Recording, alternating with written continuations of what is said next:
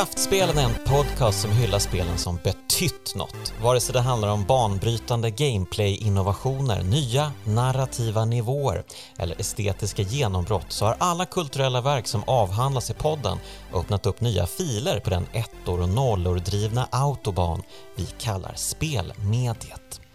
Jag heter Jonas Högberg och idag välkomnar jag Fredrik Schaufelberger till podden. Hej Fredrik! Hej Jonas, vad kul att vara här. Ja, men kul att du är här. Hur är läget? Jo, men det är bra. Det är bra. Känns ju lite ovant att sitta och snacka spel. Det, det var länge sedan jag pysslade mycket med spel, men eh, förstås underbart att få, få den möjligheten. Eh, ja, alltså jag antar att eh, Spelsverige eh, inte har glömt ditt namn än. Det vore ju tragiskt. Eh, men inte du lärt sig stava ju... det kan inte jag heller. Men du var ju liksom tongivande på speltidningen Level eh, när det begav sig och eh, har man läst Level så har man antagligen läst dig. Ja, absolut. Jag höll ju på eh, när, när, när speltidningar var stort. Eh, mm. Den gamla goda tiden som vi säger, då höll jag på ganska mycket och det var en väldigt stor del av mitt liv. Eh, men det var nästan tio år sedan jag skrev senast, så det, det är ett bra tag sedan. Oj, oj, oj, okej. Okay. ja, vad minns du från den tiden? Uff, det var väldigt rolig tid. Alltså mm. det var... Eh, det hände så mycket i spelbranschen på den tiden och det var liksom... Eh, man var med om ett, någonting som verkligen kändes som ett så här, epokskifte. Eh, mm. Det var otroligt spännande och samtidigt var det ju... Eh, det handlade delvis om att spel liksom, hamnade och fastnade eller inte fastnade, men etablerade sig i den moderna formen som de har idag. För idag skulle jag vilja säga att det är mycket mer definierat hur ett spel ser ut och är äh, än det var vid den mm. tiden. Och var, jag ska nu är det, det är väldigt breda diskussioner, men äh, om du förstår vad jag menar. Att ett det var bättre förr helt enkelt. Ja, nej, nej, absolut inte. Det, jag skulle snarare säga att det är bättre idag. Men ett, ett AAA-spel eh, 2009 kunde mm. se ut på väldigt många sätt. Ett AAA-spel idag har inte särskilt många olika sätt det kan se ut på, skulle jag vilja påstå. Eh, för att vara lite kontroversiell då. Eh, mm. Och det, den liksom, det, etableringen av liksom de här formlerna eller det som sättet som spel eh, till slut blev. Mm. Eller håller på att bli. Det hände mycket under den tiden med liksom de, den jag jobbade som mest när eran gick från Playstation 2 till Playstation 3 till Playstation 4 ungefär. Det var, det var den tiden. Mm. Så jag slutade, slutade jobba med spel ungefär när Playstation 4 kom ut. Mm. Eh, vilket är, liksom, kan, kan ge en indikation till, till lyssnarna som inte hade, hade turen att slippa mig. Eh, om eh, ungefär vad, liksom, vilken, vilken tidsera vi pratar om. Men det mm. var liksom ungefär där så det faktiskt hände saker. Och samma sak med spelbranschen, det hände så otroligt mycket. Det var så mycket Ja, du var ju med. Du var med i, i um, krokarna du också. Liksom. Och det var så mycket entusiasm och det var så mycket nyskapande tankar om vad, hur man skulle skriva om spel och vad man, vad man skulle skriva om spel. Och hur, ja. Eh, det var väldigt fascinerande. Jag tänker fortfarande på det med väldigt mycket glädje. Eh. Men eh, du tycker inte att det blivit för strömlinjeformat då? Eh, den här grunden som numera finns för de stora spelen? Det är en jättebra fråga. Alltså för AAA, jo det tycker jag nog. Alltså på många sätt. Eh, det, det är väldigt, väldigt få AAA-spel som inte innehåller några liksom, av de klassiska elementen. Det är liksom eh, väldigt mycket öppen världutforskande, väldigt mycket mm. stora kartor där man ska ticka av små symboler.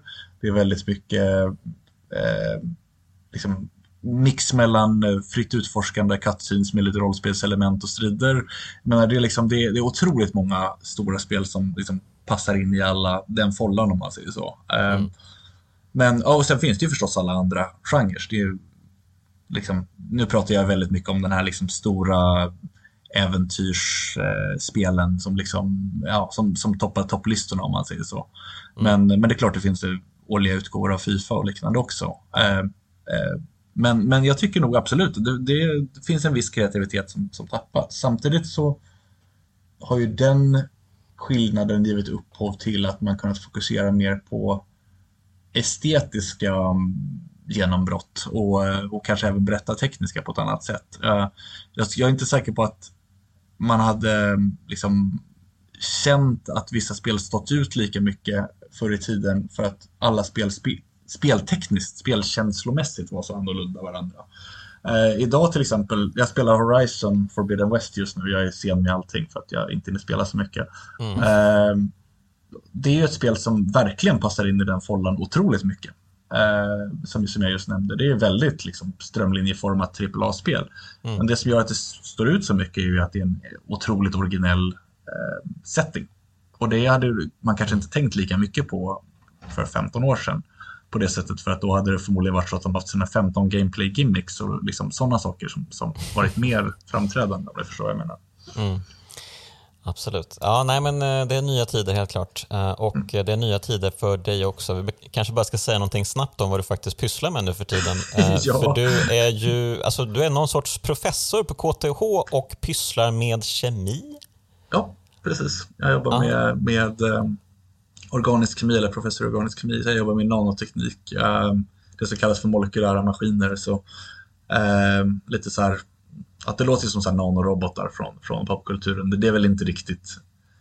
Sanningen är väl lite mer... Eh, mindre spännande så skulle jag vilja säga. Väldigt stor del av vårt vardagliga liv går fortfarande ut på att vi liksom stoppar in en litet prov i en maskin och trycker på en knapp och väntar tio minuter på att den ska säga bip och sen läser av några linjer. Liksom. eh, men, men det är ett väldigt spännande och stimulerande yrke. Eh, vi upp, uppfinner nya sorters molekylära maskiner som vi hoppas kunna använda för att liksom, lösa problem med global hälsa. Eh, är väl det, min, min pitch då, om man säger så. Oj, okej, okay, wow. Uh, här har vi alltså en, verkligen en person som gör skillnad. Um, Nej, spännande. men uh, försöker göra skillnad. ja, men det, det är väl liksom hälften vunnet där. Liksom. Um, så precis, du pysslar med kemi um, och uh, då kanske jag kan segwaya mig till ett eh, spelet vi ska prata om idag eh, som till stor del handlar om kemi mellan karaktärer. um, du kan även segwaya in det med att det handlar om, om eh, eh, skolvärlden, vilket jag faktiskt fortfarande är fast i. Ja, just det, precis. Ja, men vi ska prata om Persona 4. Det är precis det vi ska. Och det här är ju väldigt spännande för mig då. För att det här är det första Persona-spelet jag eh, spelat. Mm. Um, nu då den senaste månaden. Um, och eh, det har ju varit en, eh, en otrolig upplevelse på många sätt. Jag är um, jättenyfiken på att höra vad du tycker. Vi har ju utbytt lite e-mail tidigare här och jag har fått uh, lite små intryck men jag är väldigt nyfiken på att höra din, din, din mm. sammanfattning. Ja, men vi kan ju börja med att uh, prata om varför du vill prata om Persona 4. Um, ehm, vad är det som gör det här spelet till eh, ditt kraftspel så att säga? ja, det är en jättebra fråga. Um, först och främst så måste man väl gå tillbaka till lite när det kom ut. Um, Persona 4 kom ut drygt ett och ett halvt år om jag inte minns fel efter Persona 3 i europeisk översättning. Eh, Persona 3 var ju eh, på många sätt det viktigaste spelet i serien. För det var det som tog ett väldigt svårtillgängligt eh, och svårt, eh, speltekniskt svårt eh, spel eh, från Persona 1 och de två Persona 2-varianterna, eh, Innocent Sin och Eternal Punishment och eh, gjorde det mycket mer tillgängligt. Eh, de, de förvandlade formatet från en ganska eh, obskyrt Dungeon crawler, om jag får uttrycka mig generaliserande, till en eh, någon sorts eh, social sim, en, eh, en eh, skolsimulator där man går i skolan eh, på dagarna eh, som en japansk high school-student och lär känna nya kompisar, utför eh, olika typer av eh, vardagliga quests som att liksom plugga eller eh, göra extra jobb på fritiden eller liknande. Men sen då på, på nätterna så eh, förändras allting. Eh, I Persona 3 så handlar det om att ett enormt magiskt torn sköt upp från, eh, från jorden och eh, demoner eh, här började härja i tornet och man förstod inte varför. Ehm, men eh, i Persona 4 så har man tagit samma koncept och dragit det ett annat steg kan man säga. Så att Persona 4 är en japansk high school simulator. Mm. Men det är också ett mordmysterium och mm. ett japanskt rollspel som utspelar sig i demonmiljö. Um, och om du frågar då varför det här med ett kraftspel uh, skulle jag vilja säga att det var spelet som för mig tog ett koncept som jag finner helt oemotståndligt. Blanda det vardagliga och det lilla med bizarra japanska excesser. Uh, anime-estetik och galenskaper och sjuka litteraturreferenser och pretensioner och liksom allt det här överdrivna men underbara som vi älskar med japanska rollspel. Mm. Men det var också det första Persona-spelet som faktiskt lyckades få allting att funka speltekniskt. För att mm. Persona 1 och de två Persona 2 är inte särskilt roliga spel att spela. Eh, idag så går de nästan ut att spela skulle jag påstå. Eh, halvt om halvt. Persona 3 är fortfarande eh, liksom tog det här konceptet och gjorde om det fullständigt och är väldigt trevligt och ett väldigt bra spel. Men var väldigt med moderna mått mätt ofärdigt kan man väl säga, oputsat. Det fanns designval och liknande saker som är väldigt svåra att stå ut med när man spelar det idag. Mm. Eh, den här korta tiden som gick mellan personerna två och, eller tre och fyra var precis vad som behövdes eh, för serien. För man tog egentligen exakt samma spelmotor. Spelen ser inte förveckling lika ut om man ställer dem bredvid varandra. Det är egentligen bara settingen som förändrats. Men man har liksom slipat bort alla vassa kanter och det gjorde att man plötsligt kunde uppskatta spelet för vad det var. Och lägg där till sen då vad jag tycker är den bästa eh, storyn i något av personerspelen eller eh, den som kanske står ut allra mest. Och det, där har du liksom receptet på en odödlig klassiker. Persona 5 mm. kom ju sen till Playstation 4 efter att serien väntade nästan åtta år mellan ja, åtta år precis mellan, eh, mellan eh, nya delar. Mm. Och bygger egentligen vidare ännu mer på konceptet. Um, och kanske ännu mer lättillgängligt så att de nya fans av serien ska ge sig på det så kanske det är den bästa delen. Men jag vill ändå att vi, när vi skulle prata om kraftspelen, att vi skulle prata om Persona 4 för jag tycker det är ett starkare historia och också får ut allt vad Persona handlar om bättre, skulle jag vilja mm. säga.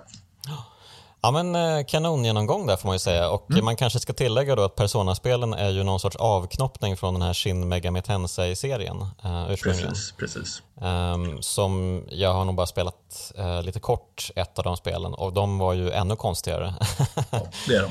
Um, och kanske ännu svårtillgängliga.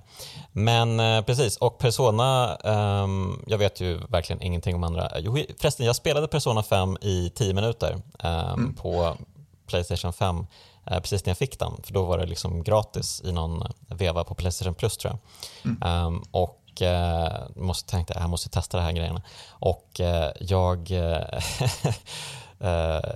kapsejsade, det här var inte för mig tänkte jag och, uh, okay. och uh, discardade detta spel. men nu måste jag säga att jag är väldigt sugen på att testa Persona 5 efter att ha spelat igenom hela Persona 4. Mm. Um, det är ju ett japanskt rollspel som inte riktigt liknar andra japanska rollspel på många sätt. Um, alltså visst, det finns ju många så här liksom um, detaljer i i manuset och karaktärerna som man liksom, ja ah, okej okay, okej, okay. ja men jag, jag, kan se att det är en japan som har skrivit det här. För det oh, ja. finns vissa så här lite pervy grejer i spelet som um, ja, men, tycks finnas i alla japanska rollspel.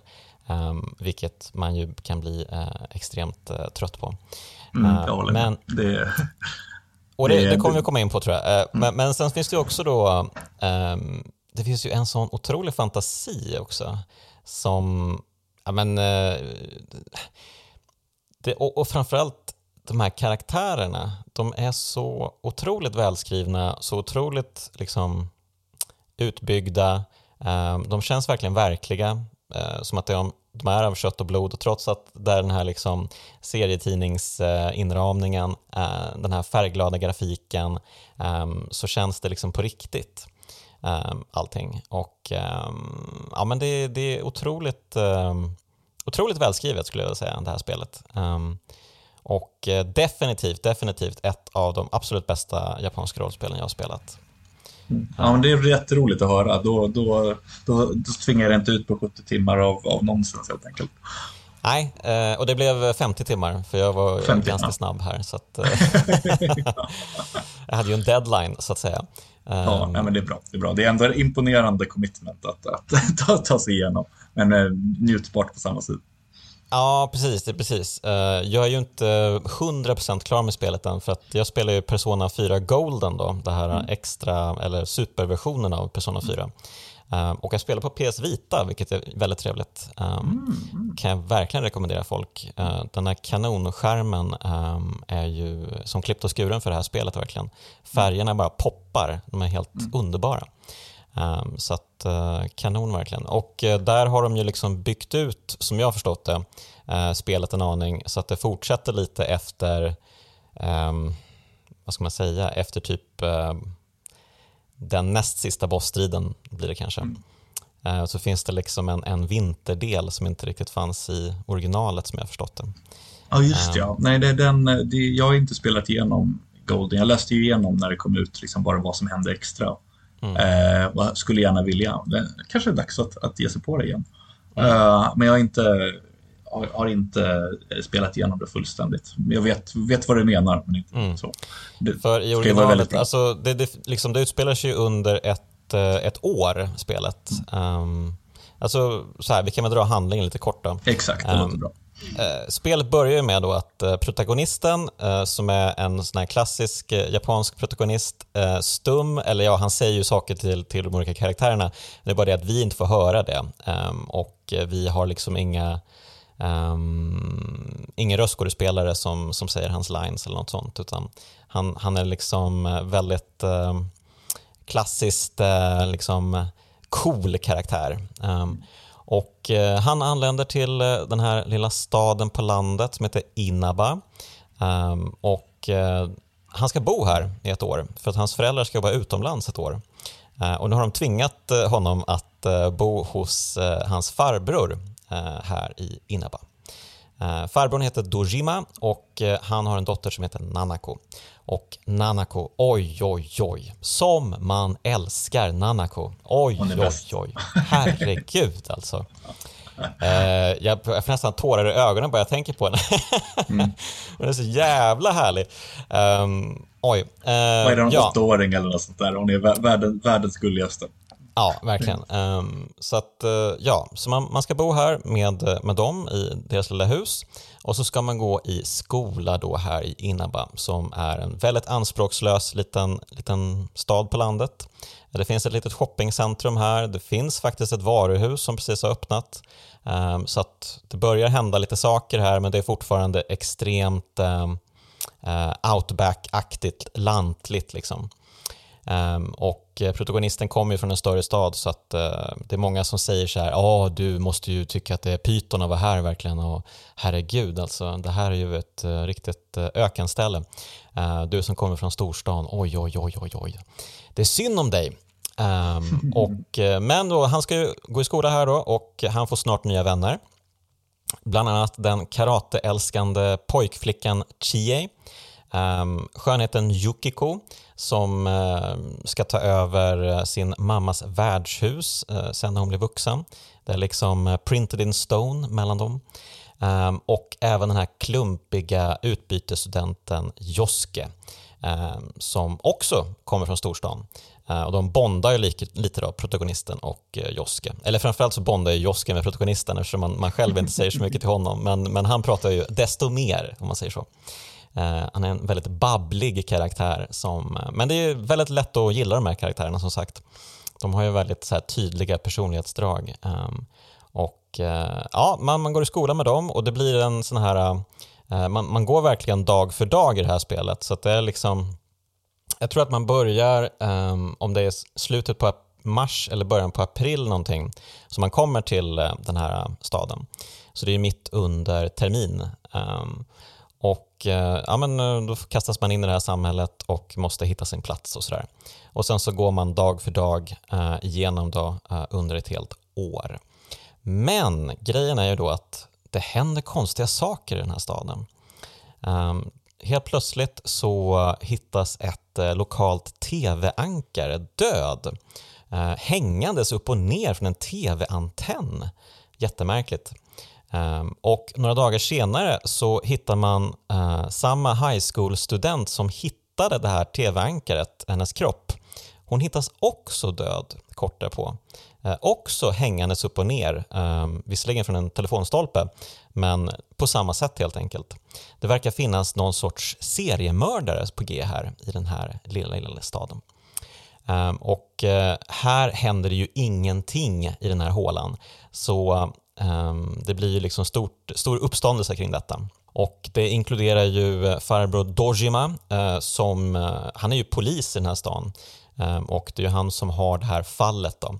Så att det innebär ju att han typ aldrig är hemma ehm, lämnar typ Nanako, sin stackars dotter, typ ensam med tvn och då får man ju själv ta på sig eh, liksom uppfostringsrollen lite grann. Eh, man får verkligen bli hennes storebror och eh, verkligen umgås med henne. Eh, men helt plötsligt då så försvinner också Yukiko. Eh, eller först så har de väl liksom fått nys om att det är någon konstig kanal på tvn som går mitt i natten, The Midnight Channel. Eh, den här märkliga kanalen aktiveras på um, alla tv-apparater i staden eh, vid midnatt helt enkelt. Och eh, oftast så ses, ser man ingenting där, det är liksom bara lite dimmigt. Men ibland så ser man folk i den här kanalen och eh, de får syn på Yukiko i den här kanalen, hon visas på TV. Jättekonstigt, de förstår ingenting. Varför? Um, och kort därpå så försvinner Yukiko. Hon verkar ha blivit kidnappad och uh, de blir ju jätteoroliga för henne. Um, hur ska vi kunna rädda Yukiko? Um, och jag, jag, minns inte exakt hur det kommer sig det här men de inser ju då att uh, det går att uh, liksom komma in i TVn på något konstigt sätt. och och eh, de landar genom att hoppa in i en jätte-TV på det här varuhuset Junes. Ehm, I deras stora TV-avdelning så har de ju stora, stora TV-apparater. Ehm, så där lyckas de, eh, det här sällskapet, eh, kasta sig in och landa i en märklig TV-värld. Ehm, där det ser ut, ja, det ser jättekonstigt ut helt enkelt. Det är liksom uppbyggt som en TV-studio som har kapsejsat lite grann och eh, de möter en märklig eh, eh, maskotvarelse ehm, som ser ut som en stor teddybjörn. Han, heter, han kallas också Teddy. Ehm, och den här killen, ehm, han hjälper dem förstå sig på den här världen, även om han själv inte har jättebra koll på den. Han verkar vara lite blåst till en början. Och till slut så inser man då att ja, vi ska frita Yukiko. Hon finns här i tv-världen eh, i en märklig, märklig plats som har liksom uppenbarat sig nu när Yukiko har kommit hit. Eh, och gänget kastar sig in eh, och börjar rollspelsstrida för fulla muggar. Och vi kan ju, vi kan ju ta de här rollspelsstriderna och prata lite om dem. Um, för det är ju, det är ju ändå det är ju så klassiska um, turbaserade strider, men det är ju faktiskt ett väldigt roligt stridssystem. Um, skulle du kunna förklara varför? Ja, absolut. Först och främst bara det är en fantastisk sammanfattning av ett, ett väldigt komplicerat spel. Jag älskar hur liksom alla förklaringar av persona världen går liksom från ah, man kommer till en ny skola och så går man i skolan och sen så typ kommer det lite demoner och man hoppar in i en tv och liksom, ja. um, nej, uh, idén är ju då att i den här tv-världen som, som du nämner så uh, strövar det runt massor med märkliga mystiska monster och det verkar som att alla de här monstren har någon sorts koppling till personerna som just har blivit kidnappade på ett eller annat sätt. Mm. Och det, titeln kommer ju tillbaka lite grann kring vad persona är då, liksom att, att um, det handlar om det som finns inom oss. Uh, mm. uh, utan att spoila för mycket så uh, är det här till stor del manifestationer av, av människors tankar som kommit fram. och um, det gör att monstren man möter oftast är väldigt originella. Det har, har oftast väldigt mycket att göra med det undermedvetna och eh, ganska märkliga, ibland ganska mardrömslika, ibland väldigt eh, ja, rent Dali-artat surrealistiska figurer. Eh, men de måste spöas. Eh, och eh, det är det som är så lustigt med det här spelet, för det är en, en otroligt rik och engagerande historia om en social simulator.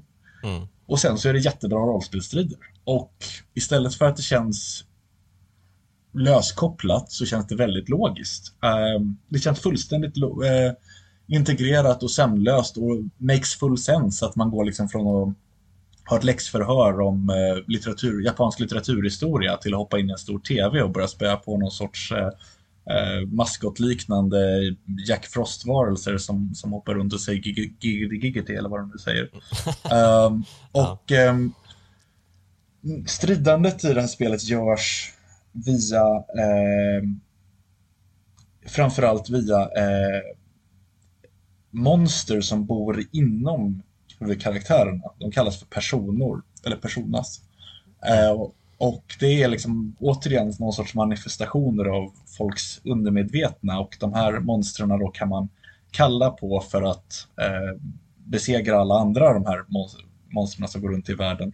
Man går genom de här konstiga tv-världarna, det är lite rough-like liknande värld. Eh, att man liksom ska gå igenom slumpgenererade grottor eh, till stor del och för att utforska och hitta de här kidnappade, den här kidnappade personen. Mm. Um, som snart förvandlas till fler kidnappade personer kanske jag ska tillägga. Um, jag kanske också kan tillägga att du kan eh, spoila ganska friskt här för den här podden, eh, det är no holds barred. Det är bara att köra allt vad du har. Ja, ah, okej, okay, okej. Okay. Nej, det är jättebra. Nej, det blir det är förstås en seriemördare som slänger in massa folk i den här TV, tv-världen. Så man, man, eh, ens jobb gradvis blir att försöka hitta eh, folket och, och, dra ut dem igen innan de blir eh, förtärda av den här världen. Mm. Eh, men du frågar om striderna och mm. eh, det är så mycket att säga om det här spelet vilket gör att liksom man, kommer, ja, man kommer liksom inte riktigt fram.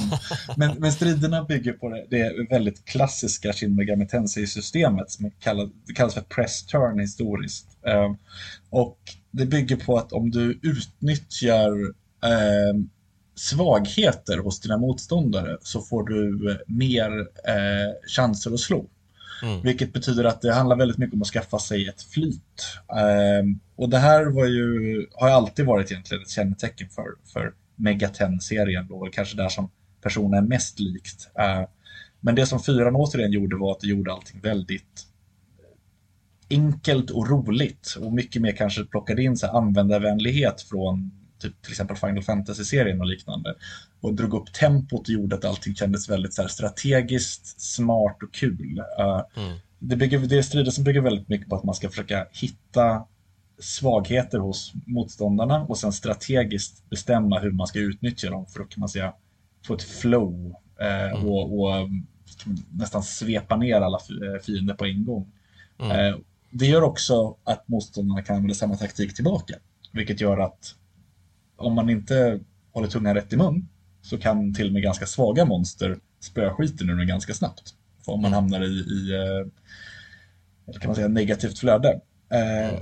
Men det här gör faktiskt mest att det blir ganska engagerande. Det blir aldrig slentrian, eh, utan man mm. håller sig alltid igång och tänker alltid. För att man vet att ett fel, felsteg kan betyda väldigt mycket. På så sätt är det lite så samma känsla som det här som kom ju långt efter att de här spelen kom ut, men liksom Souls, Soulsborne-tänket. Liksom, att, att man måste vara engagerad hela tiden och verkligen jobba för framstegen man får. Liksom.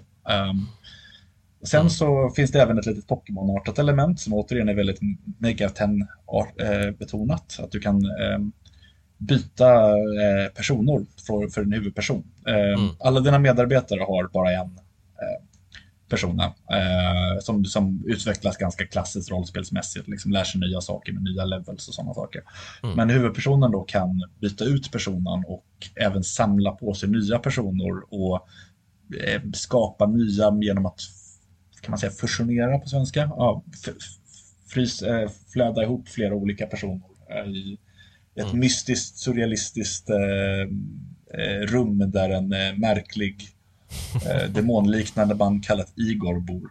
Nu kommer man återigen i det här stadiet och det bara känns som att man babblar på med tusen detaljer. Men det är, det är mycket spel. att berätta ja. ja. Det är extremt mycket att berätta och då har man liksom inte ens börjat gå igenom ytan. Du fattar Jonas. Mm, verkligen. Vad tycker ja, du om striderna? Ja, men jag tycker de är jätteroliga. Eh, precis som du säger, man måste liksom hitta fiendernas olika svagheter och man använder sig av olika magier då, um, oftast. Uh, liksom eld, is, vind och Eh, ja, vad är den fjärde nu? Jag har tappat den. Det finns, um, finns, massor. Det finns även de här Holy och Dark och sådana här. Liksom. Holy och Dark och så finns det fysiska attacker också. Mm. Um, och uh, monstren är oftast svaga mot uh, en av de här sakerna. Så hittar man liksom rätt svaghet då kan man, då blir ju de uh, vad ska man säga, de blir liksom slagna um, sanslösa en stund. Um, de faller ihop och lyckas man få samtliga fiender att falla ihop då får man ju tillfälle att göra ett Eh, free for all-attack där hela ens grupp bara bultar loss på alla fiender i en jätterolig så här, liksom serietidningsaktig stort eh, liksom moln av armar och ben och slag. Liksom. Um, så det känns väldigt så här, mycket Batman över det. Jag tror att man ser liksom så här bam, smack, smack, whack också. Uh, tydliga sådana liksom, uh, serietidningsrutor också. Ja, det är väldigt anime-betonat hela spelet det är väldigt mycket anime-känsla över det, liksom, den sortens grejer. Yes, uh, precis. Och sen när man vunnit striderna så, om man varit duktig då, så dyker det upp uh, såna här, liksom, de här tarotkorten um, som ja, lyckas man, uh, det finns ju ett helt system här också, om man lyckas få en, liksom, de eh, tarotkort som gör att man får ta fler kort så kan, kanske man kan ta alla av korten. Det kanske är fem, sex, sju kort som ligger på ett bräde. Um, och lyckas man plocka rätt kort, de ger ju olika saker, så här, din persona blir lite bättre på det här, um, du kanske får hela uh, din trupps uh, hälsa återställd, um, eller så kanske du får en helt ny persona på ett kort. Så att eh, man måste ju tänka sig för också när man plockar korten och man måste plocka dem i rätt ordning och sådär. Så att eh, det finns även där liksom ett strategiskt tänk um, bara när man liksom samlar in looten från uh, striden. Så det är jättekul. Det är lite det här som är, jag, jag tycker vi på ett sätt, det, det, är en helt hysterisk diskussion och det är väldigt representativt för hur, hur spelet är, skulle jag vilja säga. Jag gick in och kollade min gamla recension av spelet när det kom ut och då skrev jag liksom så här att i ganska pretentiös kommentar så skrev jag någonting om att det kändes som att vartenda ögonblick hade någon mening i spelet. Det fanns ingen mm. tid alls som inte fyllde ett syfte. Mm. Eh, varenda liten grej berättar någon sorts historia eller någon sorts framåt. Och det är precis det här som du menar. Det är så mycket content, det är så mycket fantasi. Det är liksom så här, det sprudlar av spelet. Från, liksom, på, på, alla, på alla vis. Och sen kan ju det bli lite överväldigande ibland. Eh, mm. eh, och det, det kan bli ett ganska tröttsamt spel att liksom Ja, jag, jag, ska säga så här, om jag rekommenderar nya personer skulle jag säga att det är ett, inte ett spel man vill maxa. Utan man vill uppleva det lite i stil med det du gjort. Köra igenom det ganska snabbt, njuta av historien mm. och liksom bara se vart liksom en, en snabb spelomgång tar en. Börjar man maxa så är det väldigt, det, det blir nästan överväldigande. Mm. Det är fortfarande jätteroligt. Men, ja. det, är också, det är också väldigt svårt att maxa. Man måste ha koll på eh, om vi då går ut ur den här tv-världen och tillbaka i den verkliga världen eh, så finns det ju liksom eh, en massa saker man kan göra efter skolan varje dag. Um, eller om det är en helgdag, uh, hela dagen. Då. Um, man kan ju liksom springa runt, oftast i det här shoppingcentret, det blir ju liksom ens andra vardagsrum, det här shoppingcentret, um, som egentligen bara är en, en lång gata liksom, med lite olika butiker på. Uh, och här står det oftast lite folk ehm, och ibland så kan man hitta sina kompisar här. Eh, och Då kan det ibland finnas en liten eh, utropstecken ovanför dem som säger att nu kan du interagera med din kompis. Du kan springa fram och ha en en skön stund tillsammans. Ni kan göra något kul eh, som gör att ni utvecklar er relation. För mycket av spelet handlar om de här sociala eh, relationerna mellan protagonisten och eh, alla karaktärer. Och Det är inte bara karaktärerna man har eh, i sin eh, eh Persona-trupp så att säga. De här eh, Chie, Yukiko, Yosuke eh, och de övriga som tillkommer sen utan det är ju även personer på skolan som man bara liksom vanliga klasskamrater som man stöter på när man liksom går med i olika Eh, man kan gå med i någon sorts musikklass till exempel. Eh, då finns det en jättesöt eh, liten tjej där som, har jätte, som är jätteblyg, som man måste liksom uppmuntra och hjälpa. Ehm, du, du är jättebra på att blåsa trombon eller vad hon nu använder för någonting, instrument. Ehm, och så finns det, man kan gå med i någon, någon, någon sport också, någon slag. Um, ja, det finns massa aktiviteter helt enkelt. Um, och så, så kan man ta olika jobb också. Uh, och det här var vi inne lite grann på. Um, man kan till exempel eh, man kan ju till exempel utföra jobb hemma faktiskt. När man har kommit hem på kvällen och sitter eh, på sitt rum så kan man ju översätta eh, från japanska till engelska tror jag eh, och på så sätt få pengar men också utöka, för att den här protagonisten han har ju liksom olika mm, skills kan man väl säga. Ehm, Knowledge är ju ganska självklar, det är ju det han lär sig i skolan. Hans knowledge går hela tiden upp när han svarar rätt på frågor på lektionerna. Eh, men när han översätter då utökar han sin expression eh, som gör att han kan interagera med andra karaktärer på mm, bättre och mer utökade sätt. Liksom. Eh, om man har tillräckligt bra expression då kanske man kan ta det där svåra samtalet med farbror Dojima Eh, om varför han aldrig är hemma eh, längre. Varför han liksom, eh, varför stackars Nanako eh, inte liksom får se sin pappa längre. Vad är det som pågår? För det är inte bara det här fallet han håller på med. Han är ju även besatt av en hit and run på Nanakos mamma, Dojimas fru då, som dog för något år sedan. Och han är besatt av att hitta förövaren och det här går ju ut över Nanako. Då. Ehm, och det är många sådana historier. Alla har ju någonting att berätta om sig själva, någon historia eh, som är viktig här. Ehm, och eh, framförallt för de här persona-bärande ehm, karaktärerna som är med och slåss i tv-världen. De har ju framförallt eh, Yukiko och de som kommer senare då vi har ju ett helt gäng alltså, man får ju värsta truppen med sig. Um, ja, vi, kan väl, vi kan väl ta karaktärerna lite snabbt och vad vi tycker om dem. Ja, det är en jättebra idé. Får jag lägga till en snabb sak också som för de som inte hänger med i spelet, varför jag tycker det är så himla smart det här, det här mm. systemet som du nämner.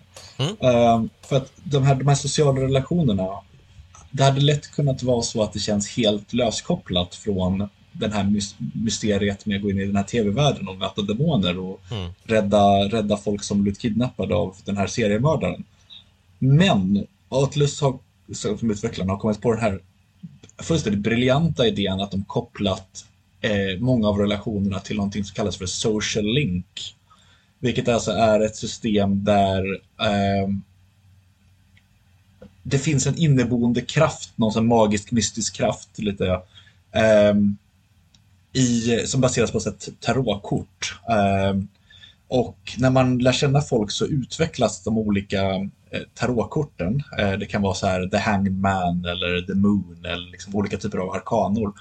Mm. och ju längre och djupare vänskap man får med folk, desto djupare eh, utvecklas de här social links.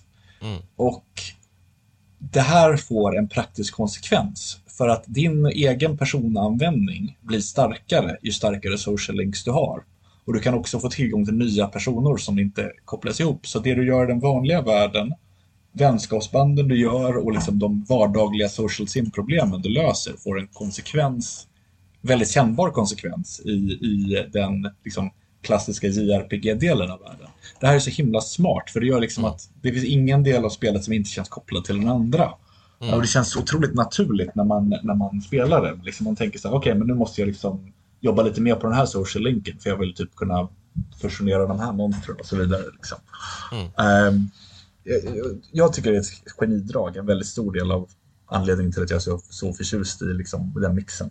Mm. Um, och det gör ju också, som sagt, som du säger, men om vi kommer tillbaka till din fråga, karaktärerna. Att um, för att kunna stå ut med det här så måste man ju ha välskrivna karaktärer i princip. Mm. Eh, för det finns japanska rollspel som... Jag skulle säga att det finns få japanska rollspel som har så välskrivna karaktärer att jag skulle vilja sitta och genomlida dialoger som en stor del av min speltid. Ja. Eh, om jag får trasha genomsnittsmanusförfattaren i japanska rollspel lite grann. Please do, eh, please do. ja, precis. Men det är liksom, försök, bara tänk, tänk den här liksom stilen med ett Star Ocean eller typ Final Fantasy 13-level av dialoger och jag, jag mm. liksom skulle förmodligen hoppa ut genom fönstret innan jag var igenom första speltimmen. Men, men här är det skrivet otroligt smart. Alltså, eh, den som har, eller manusförfattarna, för det är ett helt gäng, men, men mycket är ju under ögat av, eh, vad är det han heter? Han heter eh, eh Hashino, Katsura Hashino. Eh, som är eh, geniförklarad japansk eh, spelskapare eh, bakom många av de här spelen. De har förstått att man inte kan liksom, eh, att man inte kan slå på stora trumman direkt. Att personer måste få växa fram långsamt. Att mm. folk inte alltid säger allting i alla dialoger utan att eh, liksom,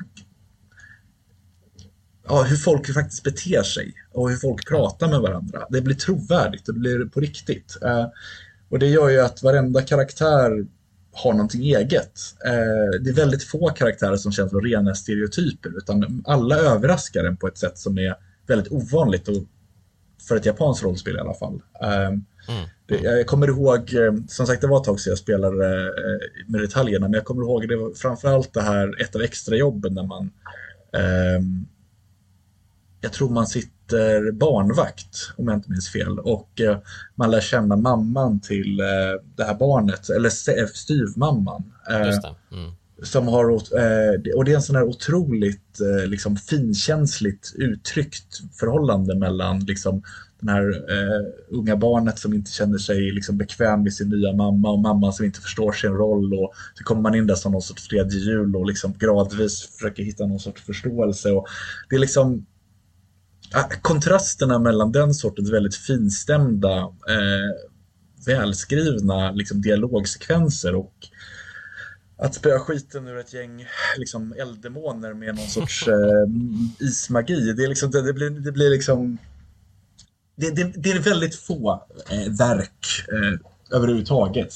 Kalla det spel, film, musik, litteratur, vad som helst som, som, som ger dig den sortens kontrast och som faktiskt får det att funka. Men det gör Persona 4 och det är därför vi pratar om det idag egentligen. Liksom. Mm. Ja, men alltså, ehm. på de här, liksom, eh, det här fyra liksom, inledande gänget med protagonisten eh, Yosuke, Yukiko och Shieid, um, de känns så himla gjutna. Liksom. De är sånt himla bra liksom, team redan från början. Um, och uh, ja, det kan ju kännas lite konstigt kanske att, de, de, att det känns som att de liksom har känt varandra uh, för evigt när det, när det verkligen inte är fallet. Det är egentligen bara Shiei och uh, Yukiko som är gamla barndomsvänner. Yosuke kom ju hit för något år sedan till den här byn och han har ju typ inte riktigt umgåtts med Yukiko och Shiei heller riktigt. Um, så det är ju liksom, protagonisten är ju liksom limmet som får alla de andra karaktärerna att samspela med varandra också um, och uh, bygga relationer dem emellan det är också väldigt smarta karaktärer för att det, det alla börjar med alltså, svagheter och styrkor. Eh, mm. Det, det, finns ingen karaktär som känns liksom som en ren stereotyp utan alla är eh, har lager. Alltså till exempel är ju eh, Yukiko är väl ett jättebra exempel, den här liksom super, super stereotypa anime-tjejen som liksom är lite blyg och eh, Eh, har söta flickan som är duktig och som du sa det tidigare förutbestämd att ta över eh, sin, sin, sin, familjs eh, business och liksom allting mm. sånt där. Men sen gradvis då, om vi, vi spoilar på, liksom, så här, när man kommer in i den här eh, tv-världen, om vi börjar förklara, eh, har ju den här mystiska platsen där hon har fångats på har ju byggts upp av hennes undermedvetna och då får man, börjar man få en under, inblick i det här undermedvetna och förstår att det är ganska mycket som händer i den där hjärnan. Uh, och det, om, om, vi säger så. Liksom. För det här är ett gäng mm. tonåringar och uh, någonting spelet gör väldigt bra är att det förstår att tonåringar faktiskt uh, ja, är, är, är unga vuxna uh, med mm. verkliga känslor men också med väldigt fragmenterat och splittrat sinne med väldigt mycket fokus på sex skulle jag vilja säga. Det visar sig mm. till exempel då att, att Yukiko hela tiden tänker tänker på sex eh, i princip. Eh, väldigt många eh, fiender är relaterade till, till den sortens grejer och när man själv möter hennes mystiska alter ego som håller henne fånga så är det en, någon sorts läskig dominatrix som piskar sin egen underkropp ungefär så liksom. Ehm, men det här gör också, det här är så smart. För att vi via gameplay-elementet att gå in och köra rollspelstrider så lär vi känna personerna i spelet och de övervinner både psykologiskt sett men också rent fysiskt sina demoner. Eh, och kommer liksom ut starkare på andra sidan. Så vi lär känna karaktärerna genom gameplayet. Så det är inte så att gameplayet sitter vid sidan om, utan du bara gör det liksom. Utan det är gameplayet som är karaktärsutvecklingen. Om jag får mm. uttrycka mig lite pretentiöst. Mm. Uh, och det är precis som du säger, det, är liksom, det här går man ju igenom. Uh, om vi fortsätter spoila på det, så väldigt många av uh, karaktärerna man får i sitt team har ju fått sådana här har blivit inkastade i tv-världen på något sätt. Så man, man går igenom den resan för väldigt många av dem. Att man går igenom deras eh, liksom undermedvetna ungefär och, och mm. rädd, rädda dem. Eh, bland annat, ja, finns ju en otroligt viktig karaktär eh, i, jag vet inte om vi ska ta honom nu eller senare, men jag kan ja, gissa. Ja. Nej, det är en karaktär som är liksom en, en typisk mobbartyp, så här värsting, lite bikerjacka som är tuff och liksom mm. eh, ja, lite så här ungdomskriminell. Och, när han försvinner, kan ju precis, precis. En riktig, kanske spelets allra största, liksom, det som folk kommer ihåg mest med spelet är i, eh, i, för framtiden. Det beror ju på att när han väl försvinner in i den här tv-världen och man hittar hans eh, egna liksom, skapade verklighet så visade det sig vara en bastuklubb. Uh, fylld med uh, väldigt lättklädda män.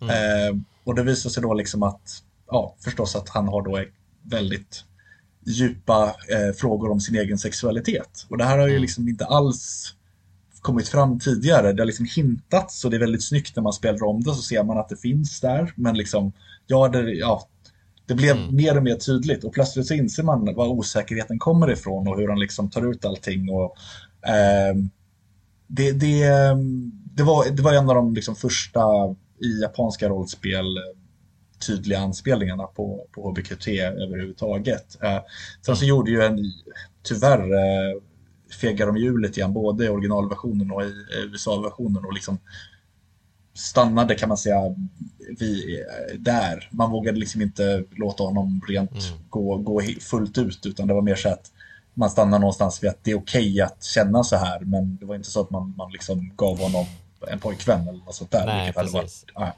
Och det är väl lite så här det man kan klaga på men det är väl lite en konservativ syn på saker och ting. Men det var fortfarande för ja. i, bransch, i branschen sett en väldigt snygg eh, i jämförelse med andra spel av samma era väldigt mycket skulle jag vilja säga.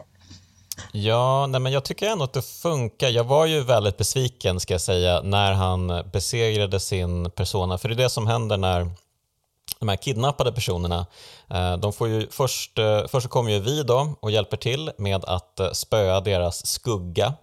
Ehm, och sen så, blir, så förenas de med skuggan när de liksom inser att skuggan är en del av dem själva.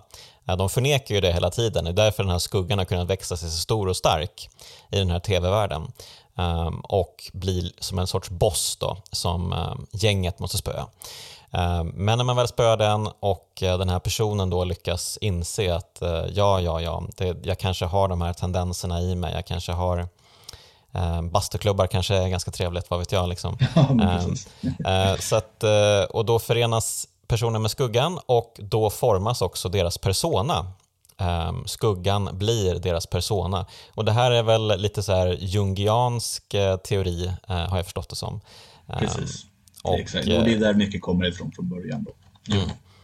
Precis, ja, men det, det, är ju jättekul faktiskt. Um, jättekul uh, take på det hela. Eh, på Jungs filosofi får man säga.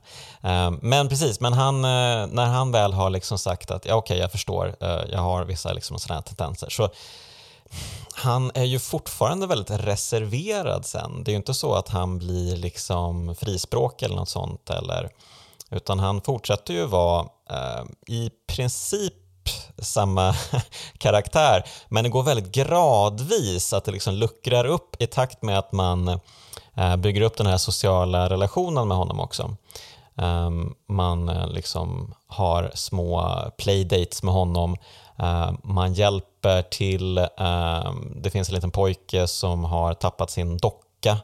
Eh, han har kastat den i floden. det, är, det är liksom pojkens kompis docka till och med. Så kompisen är jätteledsen. Nu har han liksom förstört för sin kompis. Ehm, för ja, Det var några andra typer som kom och liksom hånade honom. Leker du med dockor? Hahaha. typ. Och eh, då säger Kanye att eh, jag kan göra en docka åt dig för jag är väldigt bra med ehm, symaskinen. Jag håller på att syr massa hemma. Liksom. Så att han har ju massa så här typiskt kvinnligt kodade intressen men utåt sett så försöker han framstå som uh, den här liksom, tuffa, coola killen fast i själva verket så är han ju uh, raka motsatsen. Då.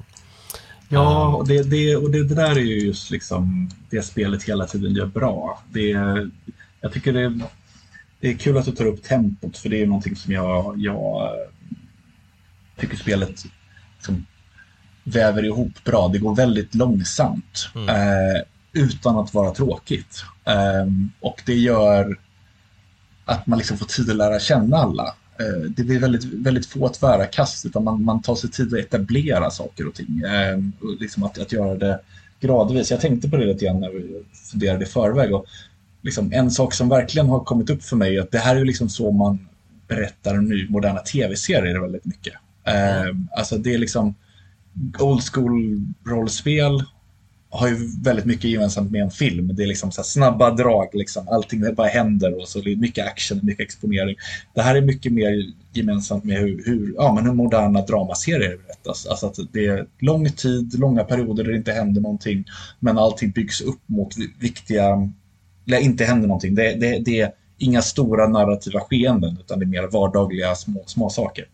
Eh, och sen så byggs det upp mot de riktigt stora ögonblicken med stora vändningarna. Liksom. Och det gör ju också att payoffen för dem blir väldigt stark. Alltså mm. när, när spelet väl kommer till de riktigt stor, stora mysterierna. Liksom, vem är den här seriemördaren och varför har han hållit på så här? Vad är det som händer i... Varför har den här tv-världen skapats? Eh, och liksom, eh, de mm. mysterierna blir väldigt, väldigt starka. Eh, det är liksom, ja, det, det, ja, du fattar, eller vad säger du Jonas? Absolut, men så är det verkligen. Eh, den här tv-världen är ju verkligen, den är ju döljd i dimma men även mysterie är jättelänge. Man förstår sig ju inte på den ända fram till slutet skulle jag vilja säga. Eh, så det lyckas de ju jättebra med att eh, Alltså, de är ju lite lata på så sätt kanske. De droppar ju inte så jättemånga hint som just tv-världen. Utan den Nej, låter de liksom ligga. Liksom. Mm. Men, men man, sen när den liksom förklaringen kommer så blir man ändå liksom tillfredsställd. Um, Även om det visar sig vara liksom en, en, eh, en gud som ligger bakom det hela. Liksom. Ja. Så... Det, det, är det väldigt klassiska, nu, nu spoilar jag de andra personaspelen också, men det är väldigt så här klassisk persona-grej. Att det, liksom, mm. det finns, det finns en, en huvudstory och så finns det alltid någon så här understory som är typ, det är gud. Liksom. det är lite irriterande. Ja. Jag, kan, jag kan känna ibland att det är lite så lazy writing. Liksom. Men det, mm. det, även spel man älskar över allt annat måste få ha sina, sina skönhetsfläckar. Eh, mm. det är lite så jag känner med Persona 5 är det tydligare kan vi säga. Eh, det, okay, det, funkar ja. inte, det funkar bättre i Persona 4 än Persona 5, vilket är en av anledningarna till att jag tycker att 4 är ett starkare spel. Mm. Um, ja, det här mordmysteriet är ju väldigt engagerande. Det är, väldigt ja, men det är ju det, för det, händer, det är ju jättesnyggt skrivet måste jag säga, för det händer ju hela tiden nya förvecklingar i det. Um, och de lyckas ju... Um, alltså det är ju jättesvårt att lista ut vem mördaren är. Ja, det är det. Det är det verkligen. Kunde det du lista ut det? Utan att säga vem det är, för det är kanske lite för mycket spoilers. Men... Ja, alltså om folk har lyssnat så här långt så tror jag att de klarar uh, det också. Okay. Uh, ja, det kanske vi kan göra. Uh, alltså, jag har ju spoilat alla andra spel jag pratat om i den här podden så att det vore ah, märkligt okay. att börja nu att inte säga ah. någonting. Nej, men, men okej, alla, alla som lyssnar är notifierade. Hädanefter så blir det jättemånga spoilers. Ja, men, men precis, så att um, och, och det sker ju så gradvis också, uh, som, som jag säger. Liksom. Det är ju verkligen eh, uh, 365 dagar som det här uh, hela liksom, uh, schabraket sker under. Um, och gradvis då så händer ju saker. Men vi, vi stoppar ju mördaren hela tiden nu när vi har blivit det här liksom fantastiska femman-teamet. Liksom. Um, vi, vi är ju grymma, vi tar ju hand om allting. Uh, tills helt plötsligt deras uh, lärare uh, hittas hängd upp och ner från en tv-antenn. Mr Moroka.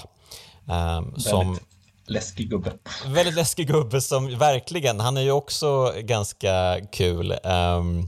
Man hatar ju verkligen honom, men, och de hatar ju verkligen honom, men sen när de inser att han är död, då, då träffar det ju ändå dem ganska hårt. Joske blir väldigt så här Um, han, um, uh, ja, men han går igenom liksom, um, hur kunde jag ha de här känslorna mot honom egentligen? Alltså, man vill ju inte önska någon, man vill inte önska livet av någon bara för att de är ett svin. Liksom. Um, ja, men, men det är märkligt att han hittas död för att han har inte varit i tv-världen. Uh, det visar sig vara uh, en snubbe då som de jagar in i tv-världen uh, som heter Mitsu och Eh, den här killen han ser ju verkligen superläskig ut. Um, och eh, det, det, är ju en student då som gått i um, en annan skola tror jag det är. Jag tror inte han har gått i deras skola utan en skola uh, nästgårds helt enkelt. Um, och ja, de jagar fatt honom, ehm, spöar honom, tar honom till polisen. Okej, okay. det, det, är helt klart han som dödade Mr Morocca och han tar på sig eh, skulden för de andra två morden. Så att eh, okej, okay, nu har vi mördaren. Allt är bra. Men ja. spelet fortsätter ju. Det här är ju, det här är ju bara under sommaren som det här sker eh, och spelet började i mars, april någon gång. Så att man, man, man vet ju att det är jättemycket kvar av spelet. Det är ju självklart inte den här killen som är mördaren, den stora mördaren. Um, för han är ju en copycat killer, den här killen. Så att han har ju dödat Mr Morocca utan att känna till tv-världen egentligen. Um, och uh, ja, då inser de snart att aj, aj, aj, det finns en annan mördare. Um, och ja, typ på hösten då uh, så lyckas de uh, inse då att det finns en annan kille som hade, han var um, den första dödsoffrets älskare, det här tv-ankaret.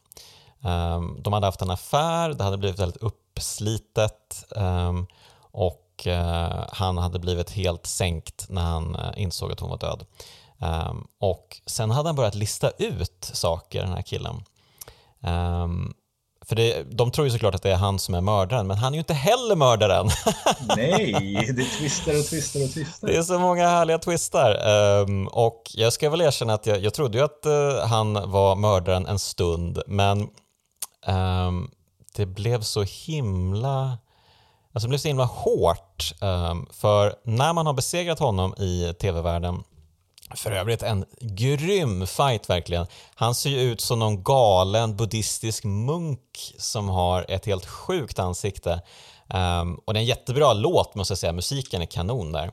Ja just det, um, det har vi inte ens nämnt, men hela spelet har grym musik. Det, det blir ja, en sid sidonotis, men det, det, ja. det, är extremt bra musik hela spelet igenom. Verkligen, och, och här händer det ju så mycket. Mot slutet så blir det ju otroligt dramatiskt allting, för att här Eh, dels så har ju eh, Dojima, han har ju skadat sig när han hade en biljakt med den här killen, um, han heter Taro Namatame, Eh, den här eh, tv-ankarets eh, älskare.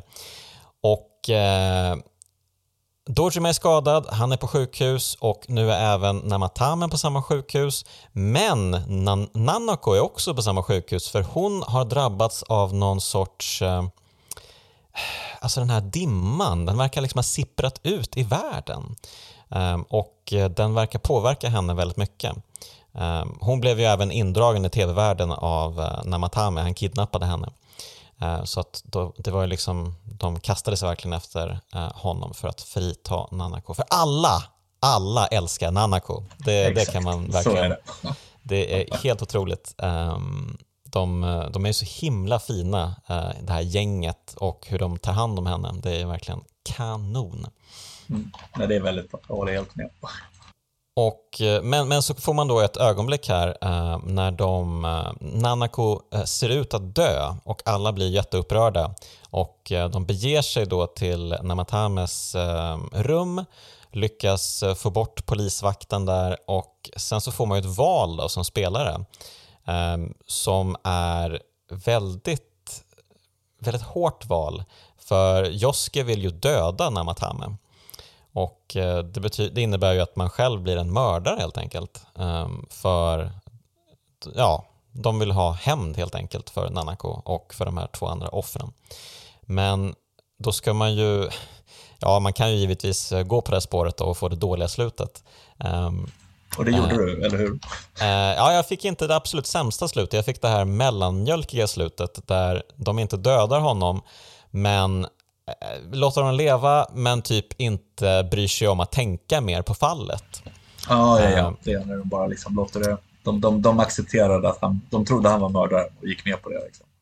Ja, de ville bara inte sänka sig till hans eh, nivå liksom. Och eh, sen var ju spelet slut typ. Då bara, aha, okej, okay. spelet hoppar till slutet på mars då. Och eh, ja, sen, eh, sen var det slut. Fick en liten tråkig eh, mellansekvens eh, när han hoppar på tåget, protagonisten, och alla vinkar hej då och såg lite så här molokna ut. Um, så att jag insåg ju att jag hade gjort något fel någonstans, så jag var tvungen att läsa på lite då. Och då insåg jag att i den här konversationen man har när man är inne hos Namatame på hans rum där, så måste man välja exakt rätt på fem olika val i dialogval man får på varandra. Vilket ju är lite hårt kan jag tycka. Ja, det är det. Det, det minns jag när spelet kom ut. Um, nej, jag minns, jag minns det tydligt när det kom ut att folk var ganska irriterade på det. Det är liksom så jättespecifikt liksom. Att, att mm. man ska, ja. Uh, och, och så spelet är inte byggt upp för det heller, precis som du säger. Nej men exakt. Så att, ja, om man väljer rätt då så kommer de fram till att vi måste nog fundera lite mer på det här. Eh, och så samlas de som, de som de så ofta gör då på Junes, det här varuhuset, och eh, diskuterar lite. Och eh, då inser de att ja, men vi försöker lägga ihop allting som en riktig detektiv skulle göra här. Liksom.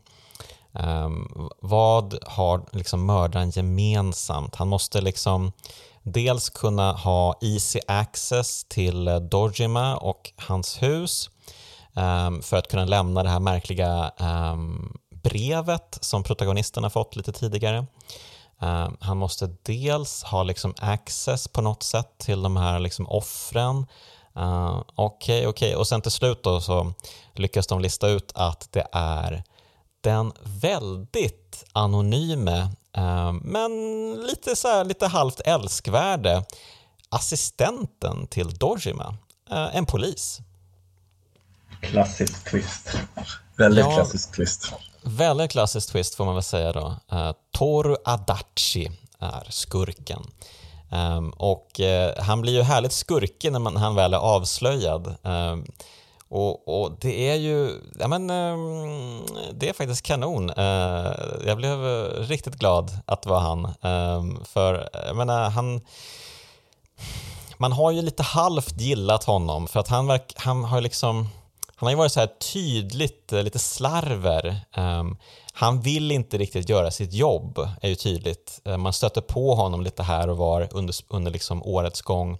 Uh, ofta så gömmer han sig på Junes, det här varuhuset, uh, och bara försöker undvika att jobba. ja, men precis, exakt. Så att han verkar typ bara hänga och eh, han, han, han liksom framstår ju som väldigt, eh, eh, men lite menlös, lite så här, ja men han skulle inte göra en fluga för när ehm, och han vill ju liksom bara, han vill ju bara, ja, han vill leva livet lite på sitt sätt. Eh, men det visar sig att han har många, många känslor eh, om Eh, livets förgänglighet inom sig. Eh, ja, jag tycker det är så smart återigen om jag får hylla, hylla skrivandet. Liksom, att mm. Hans motiv är ju egentligen exakt det du just har beskrivit. Han är menlös, han är tråkig. Han gör det för att han tycker allting är så jävla tråkigt. Mm. Han är så här, han är typ, han är psykiskt sjuk uppenbarligen, men han är ju så här riktig joker liksom. Alltså han, han i princip, ja, det fanns väl några anledningar i början till att han hamnar i de här situationerna så han tvungen att göra de första morden. Men sen fortsätter han bara för att det äntligen händer något. Det blir liksom lite så här, ja, det blir roligt liksom. Och det, det, och det är också en så här hemsk, eh, gå tillbaka med det här med det psykiska som, eller eh, fokusen på, på eh, det psykologiska. Det psykiska. Mm, mm. Så alltså, spelet handlar väldigt mycket om liksom, att, att det är återigen lite så in line med hans personlighet på något sätt. Så att han har ju visat en sida mot världen men har en annan sida inom sig. Men jag tycker liksom att jag misstänkte honom lite grann. Eh, just, just för att jag älskar mordmysterier och det är en sån här typisk liksom klassisk twist-karaktär, att så här, den man inte anar. Ungefär så liksom. Så han mm. var på min shortlist, kommer jag ihåg, när jag spelade spelet. eh, och jag var väldigt nöjd när, när det visade sig att det var han. Eh, det, det, är så här, det är så smart sätt att få ihop det på. Återigen, det, det är så mycket som i spelet som är så smart. Eh, och eh, ja, sen det, finns det dumma saker också som vi nämnde. Det, det är väldigt det är fumligt gjort att liksom behöva traggla sig igenom en multiple choice-sekvens liksom med, där man ska svara exakt rätt för att få reda på hur, hur mm. spelet egentligen ska sluta. Mm. Eh, det blir ju väldigt så här, game FAQs betonat som, som vi sa då, 2008. Mm. Eh, eh, idag så finns det väl IGN svårt, tror jag, eller vad det nu är. Jag hänger inte med kidsen längre, men um, ja, beside point. Eh, men överhuvudtaget, precis, det, det, är en, det är en ganska stor chock liksom. Eh, och eh, väldigt tillfredsställande lösning. Det finns inte så jättemånga bra mordmysterier i spelvärlden överhuvudtaget. Eh, mm. Och eh, särskilt inte egentligen när, i, i den liksom rollspelsgenren. Det finns nästan, nästan ingenting. Men spelet lyckas verkligen förmedla den här känslan av liksom mysmordmysterium. Det är väldigt så här, trots märkliga tv-världar och övernaturligt. Så liksom hela mordhistorien är lite så morden i Midsommar-mysigt. I, I alla fall i, vid tillfällen. Fram tills precis på slutet och han blir väldigt obehaglig. Men det är liksom, ja. Mm. Eller vad, vad säger du? Absolut. Uh, ja, men han, han blir ju väldigt rolig. Det, det, är också en väldigt rolig bossstrid när man, när man slåss mot honom. Han är ju, i den här personavärlden så han har ju liksom inte blivit en skugga riktigt utan han, han ser ju ut eh, exakt som han ser ut. Han har en pistol i handen och uh, står lite krum och skrattar åt dem och verkligen så här jokerbeteende mot dem. Mm. Um, och sen så, ja, när han väl uh, blir medvetslös så tar ju den här guden över honom i besittning. Um, och, Precis, för det är ju nästa twist. ja, det var ju givetvis någon annan som ligger bakom Adachi. Um, Ja, eller han, kan väl säga så att han, det, alla morden kommer ju egentligen från honom själv.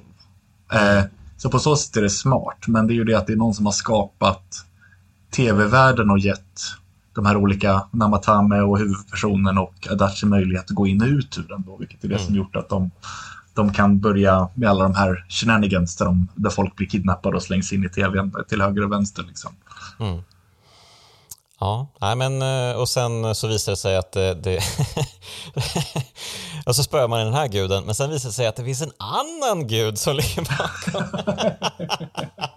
det låter löjligt. Det låter löjligt när man sammanfattar det bara några minuter, men det funkar faktiskt väldigt bra i spelet, för det spelar, utspelar sig under så lång tid. Eh, ja, det precis, att ja. saker och ting får ta tid liksom. Men mm. du, du hittade ändå den andra guden. Uh, jag, jag fick ju kika på det på YouTube för jag orkade inte köra tre månader till på en dag. Uh, ah, ja, jag det, det hann jag inte riktigt med. Men, uh, så, men jag, så då har du koll på, på uh, den stora twisten.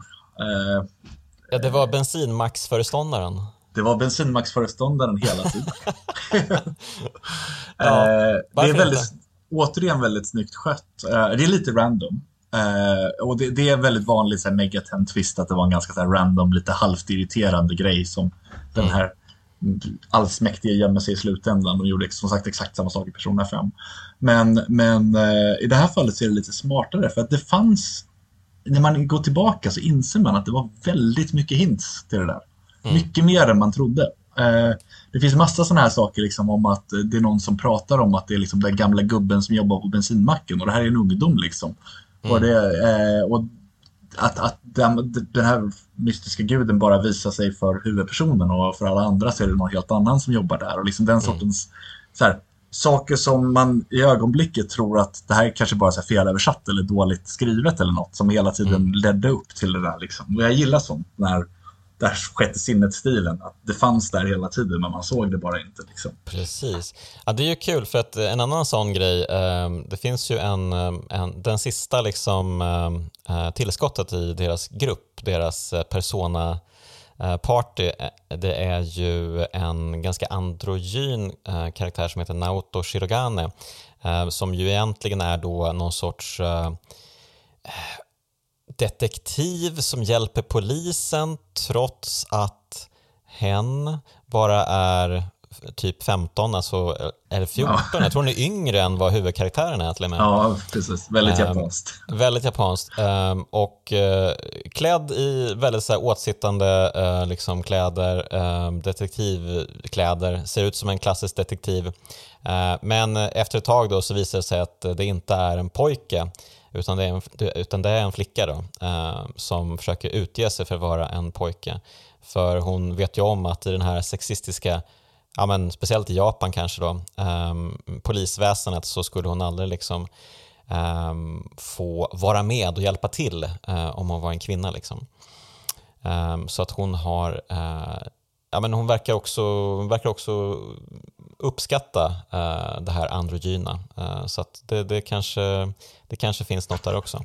Ja, det är återigen ett exempel på det här liksom, mängden content. Liksom. De, de, de mm. tar upp så fruktansvärt mycket ämnen och väldigt mycket som handlar om sexualitet i allmänhet. Mm, liksom, mm. Eller olika typer av. Och det är ju ovanligt, jätteovanligt. Eh, Verkligen. Och snyggt och um, intressant. Och det är liksom, ja, man... Um, det har fortfarande inte, det har fortfarande inte kommit någonting som, efteråt som jag tycker, från Japan kanske i alla fall, som, som är i, är lika utmanande och lika starkt eh, på det spåret. Eh, man får liksom gå till indie-spelen för att hitta saker som, som försöker utmana så mycket. Liksom. Ja, men det är kul för att även om de här, liksom, de är ju hormonstinna ungdomar, all, hela bunten liksom. Um, och det är ju mycket snack om sex. Um, eller inte, liksom, inte liksom rakt ut, men det är ju tydligt att uh, de, de är sugna uh, ja, på varandra exakt. och på, ja. på andra.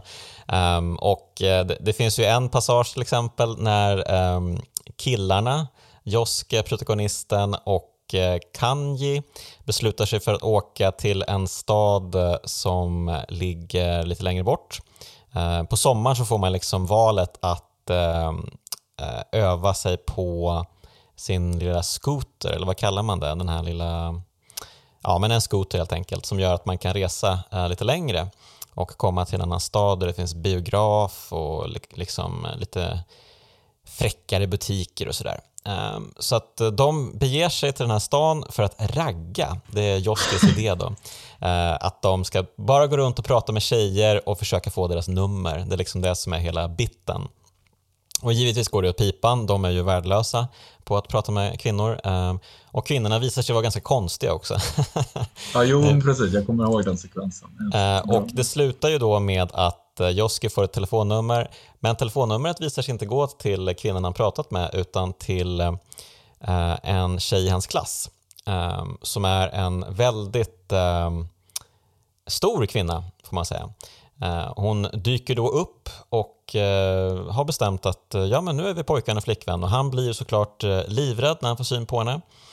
Ehm, för ja, det här antar jag är en klassisk grej i Japan. Eh, tjocka människor är vidriga människor. Um, och, ja, det är eh, inte så snyggt gjort. Det är inte så snyggt gjort och Nej. hon sitter sönder hans skoter i den här konstiga sekvensen. Så att det här är kanske ett exempel på, alltså det var ju en ganska kul sekvens ändå tyckte jag, fram tills det här lite mm, tråkiga slutet när de typ fat-shamear en kvinna liksom. Och det, det är väl återigen en, en klassisk, eh, klassisk, för det första klassiskt Japan och för andra, om man får vara sån. Eh, det kanske man inte får, men eller, får man inte säga den här jävla podden. Eh, nej, nej, nej, nej. Nej, mm.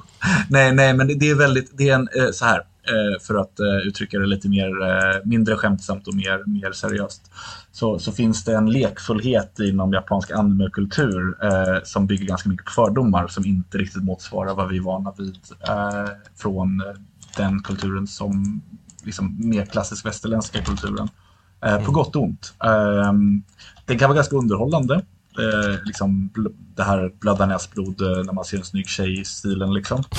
Ehm, men det kan också bli ganska så här barnsligt och frustrerande och liksom lite, lite ja, men, få, liksom lite, lite för mycket. Eh. Ja, men lite gubbsjukt också. Jag menar den här karaktären Teddy som vi pratade om, den här uh, stora uh, gosiga maskotbjörnen som finns i tv-världen. Helt efter en stund så uh, hoppar han in i den verkliga världen och börjar agera här. Uh, och han tar av sig dräkten och visar sig vara en jättestilig pojke i deras ålder. Jaha, uh, okej, okay, vad märkligt. Så då börjar han, börjar han hänga med dem och han visar sig ju vara eh, världshistoriens kåtaste kille typ. Ja, eh, för han, han kladdar ju på brudarna hela tiden och kommer med konstiga sexuella inviter. Um, och uh, ja, men han, han är ju ett, ett haveri till karaktär, uh, den här Teddy. Ja, det är den sämsta karaktären. Både, både skrivet och uh, kanske utförandemässigt. Mm. Det är väldigt så här fel. Det blir liksom, allting blir väldigt fel, eh, skulle jag vilja påstå. Eh, nu tar vi upp de negativa delarna och det får man, måste man ju få göra, för det är absolut inte ett perfekt spel. Eh, det är ett spel som utmanar väldigt mycket och då kommer man förstås landa där, att man, man får några saker fel. Liksom. Ja, eh, så att eh, Teddy eh, röv, röv, värdelös. Eh, men eh, jag tycker, alltså, när man pratar om liksom de här andra karaktärerna så tycker jag att alla har någonting verkligen. Och det är en sån fin interaktion mellan karaktärerna hela tiden. De mm. åker på, på resor tillsammans, uh, alla övernattar på Yukikos uh, mammas värdshus någon natt. Och sen så är det så här typiskt, uh, pojkarna försöker komma in i flickornas rum på natten men de visar sig komma in i ett annat rum och det blir kalabalik och så här liksom typiska haha-sekvenser som mm. kanske inte är superroliga men alltså de lyckas ändå göra det lite skärmigt eh, för att det är ju lite, det är ju lite den här liksom eh, tonårstiden när man, man har ju inte koll på läget, man är ju lite dum i huvudet. Liksom. Um, och det lyckas, de, det lyckas de fånga på ett ganska bra sätt ändå, utan att göra dem uh, till vidriga karaktärer, tycker jag. Jag tycker du förklarar det väldigt bra. Det är exakt så som man känner med det. Det är ju många av de där sekvenserna som liksom hade varit så lätt att det skulle blivit så fel. Mm. Eh, och det blir fel någon enstaka gång. Alltså, Absolut. För, för spelet skjut, som sagt det är ett, ett jättelångt spel med extremt mycket content och extremt mycket idéer. Men mm. det, det, blir oftare rätt än det blir fel. Och eh, yes. sekvenser som inte hade funkat i en annan spelvärld eller ett annat sammanhang fungerar här eftersom det finns en, en hjärtlighet och en, liksom ett, ja, en konsistens i allting. Alltså mm. eh, consistency försöker jag säga. Ja, en, en eh, enhel, enhetlighet eh, mm. I allting. Eh, och liksom, vi pratar om ett gäng fåniga tonåringar och ibland beter de sig så fåniga tonåringar gör. Mm. Alltså, mm. Det är återigen det här japanska rollspelssyndromet att liksom, det är alltid ett gäng 15-åringar som räddar världen. Liksom. Uh, men här är det ett gäng 15-åringar som räddar världen, eller mer eller mindre. Men mm. de är också ordentliga 15-åringar. De, liksom, mm. de gör saker som vanliga high school-studenter gör. Eh, mm.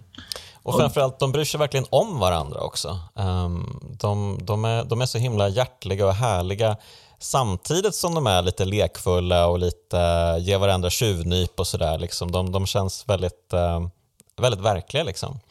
Uh, de är många olika saker samtidigt. De är inte bara en enda sak som i så många andra japanska rollspel så är karaktärerna bara en enda sak. Liksom. Ja, nej men exakt. Och det är väldigt väl formulerat. Liksom. Och det, det är ju väldigt, väldigt mycket Atlus eh, fantastiska förmåga att skriva dialog. Eh, ibland, det, det, är liksom, de, de, var ju i en klass för sig eh, egentligen i hela spelvärlden under lång tid och sen nu skulle jag väl säga att det finns andra som har börjat komma tillbaka eh, eller komma upp i de nivåerna. Jag menar liksom, det är väl ingen som, som, som kan ta sig igenom eh, till exempel The Last of Us-spelen och inte känna någonting oavsett om man är arg, eh, eller, mm. arg på sakerna eller, eller berörd av dem. Uh, men men liksom, vid den tiden när spelet kom ut så var det liksom en full... Ja, det var inte många andra som lyckades med det. det var liksom, jag, jag minns att jag drog referenser på... Jag var inne på redaktionen och höll på att uh, liksom, eh, med glödande blick prata om hur bra det här spelet var liksom, så, medan jag höll på att mm. spela det. Så, mm. ja, men det, liksom, det, det, det, känns liksom som om Japan skulle göra ett liksom, så här, Fallout 2 eller Planescape Torment, de här liksom, textdrivna äh, äventyren liksom, där det var en dialog i mängder.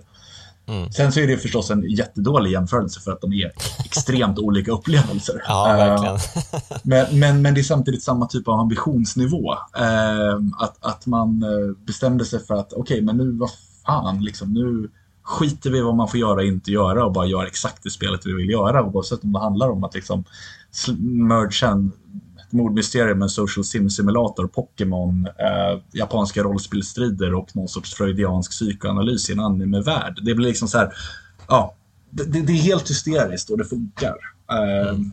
Och det, det är väl därför fortfarande det är skitkul att sitta och liksom reflektera över spelet. Jag måste känna att det blir till att starta Golden igen här ikväll känner jag. Eh, faktiskt komma ja. igenom det.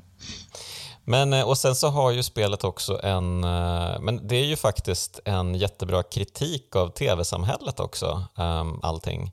Um, alltså man ser ju Nanako sitter ju alltid och tittar på TV när man kommer hem från skolan. Hon sitter ju helt uh, fastklistrad vid den. Eh, hon älskar den här eh, Junes-gingen, hon kan citera den utan till och älskar när den liksom kom på TV. För då, då måste alla tyst nu, tyst, tyst, tyst och så ska hon sjunga med i Junes-gingen. Så hon är ju liksom fångad av, hon är ju fångad av en TV-värld också. Eh, och det verkar ju, vara, verkar ju många vara här också, för det är många som tittar på The Midnight Channel um, som inte tillhör sällskapet utan man hör liksom folk uh, prata på väg till skolan så hör man liksom andra studenter som man inte känner till um, prata om The Midnight Channel. Och, Oj, såg du vem som var på Midnight Channel nu? Jaha, var det så den personen var? Det är ganska tydligt att um, Midnight Channel inte bara är en reflektion av den personen utan kanske också liksom en så manifestation av hela samhället och synen på tv-underhållning och att de alltid ska hitta det mest extrema um, i saker och ting.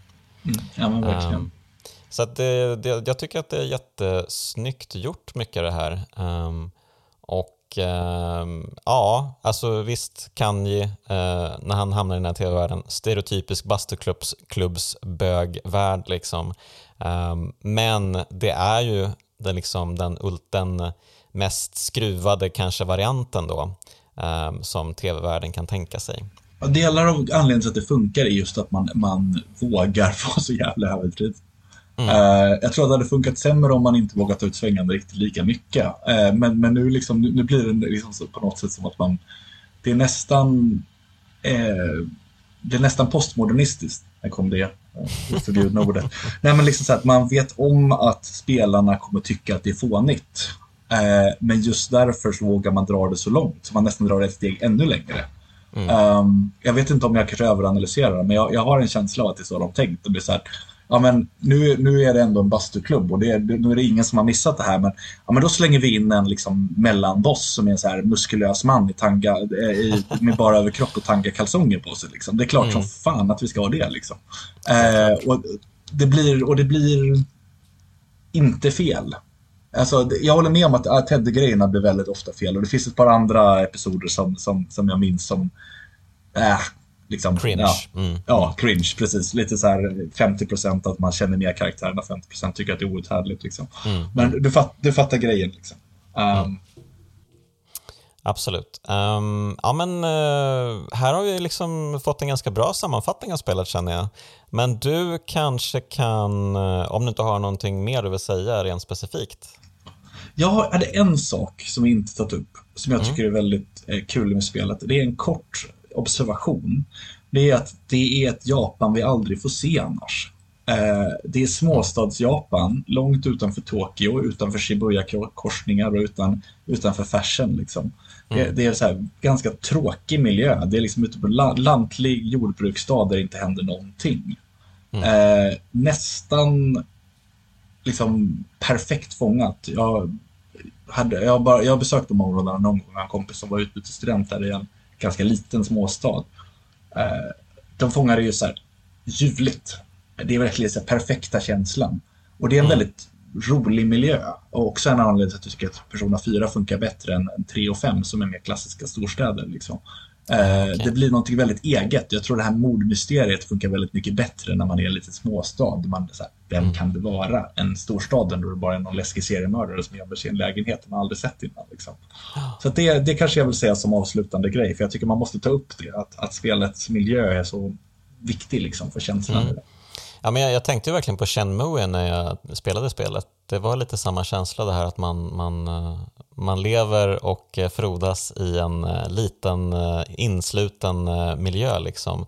Och där de här liksom, väldigt anonyma japanska eh, gränderna äh, där, där liksom, ja, vi bara lever och, och eh, vi lever våra liv här. Det är inte så mycket mer än så.